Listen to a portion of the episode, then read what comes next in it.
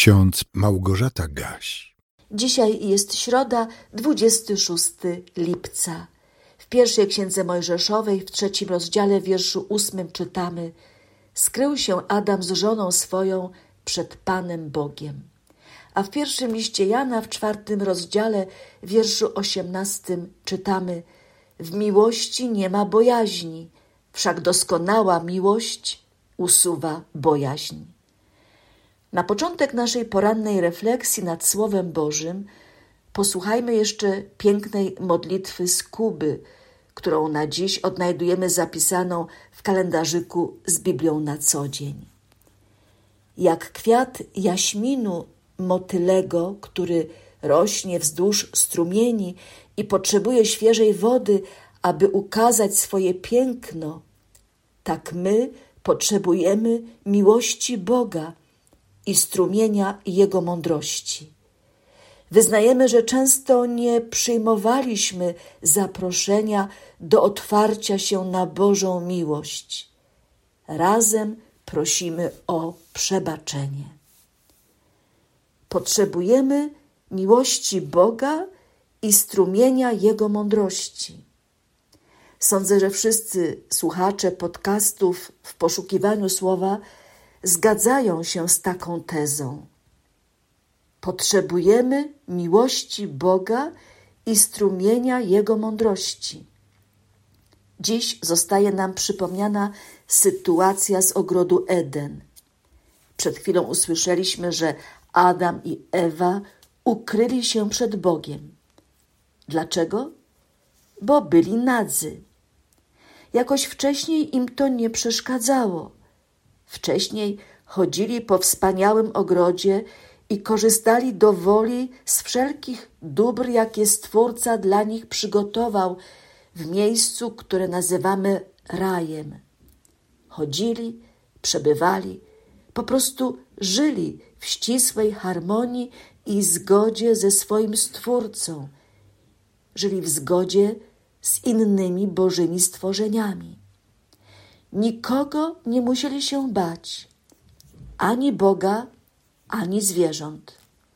Nikogo nie musieli się wstydzić, ani siebie nawzajem, ani też nie musieli się wstydzić przed Bogiem. Jednak po zjedzeniu owocu z drzewa, które było w środku ogrodu, o którym Bóg wcześniej powiedział: Nie wolno wam z niego jeść, ani się go dotykać, abyście nie umarli, wszystko się odmieniło w spostrzeganiu tego, co było wokół Adama i Ewy. Zwróćmy uwagę, że byli jeszcze w raju, a już zaczęli się bać, już zaczęli się wstydzić, już zaczęli się przed Bogiem ukrywać.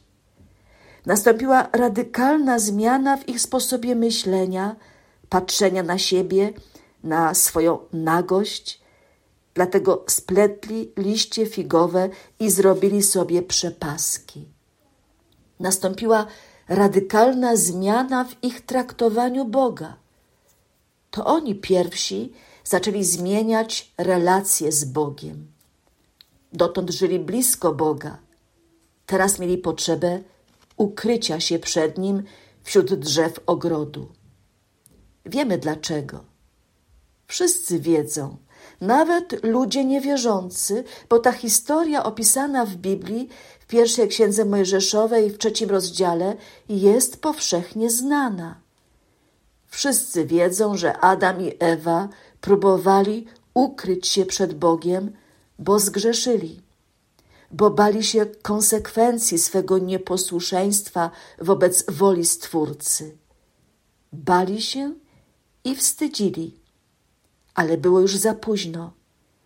Nie dało się wszystkiego cofnąć, odwrócić. Kochający Bóg stał się dla nich kimś innym, kimś, kogo zaczęli się bać z własnej winy. Gdyby wcześniej nie posłuchali szatana, który przyszedł do nich w postaci węża, gdyby nie zapomnieli o Bożym ostrzeżeniu, gdyby nie byli tak ciekawi i chciwi, nie byłoby problemu nie byłoby ich życiowej tragedii. A jednak stało się. W trzecim rozdziale pierwszej księgi Mojżeszowej od czwartego wiersza tak czytamy. Na to rzekł wąż do kobiety: Na pewno nie umrzecie. Lecz Bóg wie, że gdy tylko zjecie z niego, otworzą się wam oczy i będziecie jak Bóg, znający dobro i zło.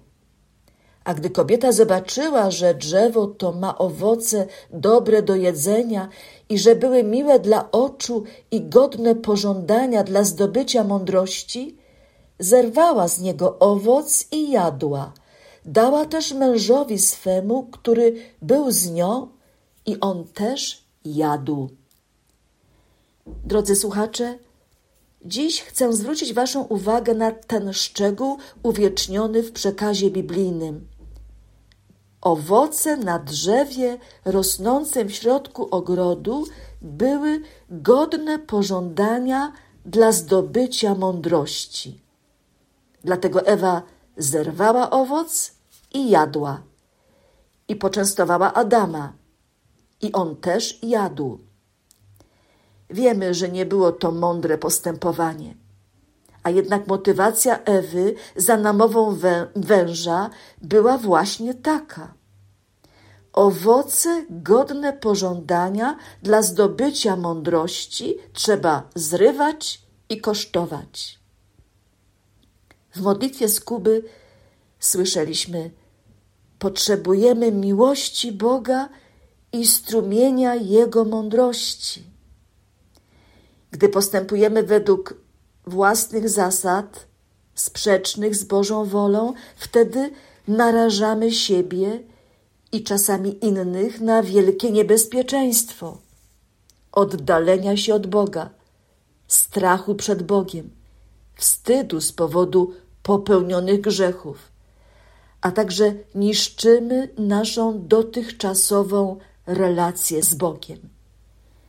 Wyznajemy, że często nie przyjmowaliśmy zaproszenia do otwarcia się na Bożą miłość.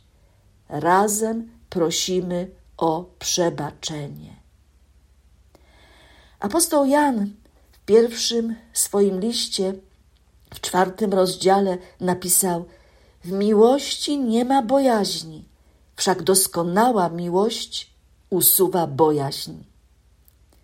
Oczywiście nikt z ludzi żyjących na ziemi nie jest zdolny do doskonałej miłości, ale dzieci Boże obdarowane darami Ducha Świętego, czyli także miłością, która jest zarówno darem, jak i owocem Ducha Świętego, są zdolne kochać Boga i bliźniego taką miłością, jaką otrzymują taką miłością, jakiej uczył Jezus Chrystus, przebywając na ziemi w ludzkim ciele.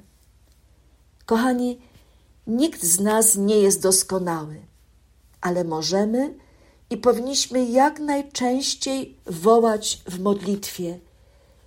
Wyznajemy, że często nie przyjmowaliśmy zaproszenia do otwarcia się na Bożą miłość.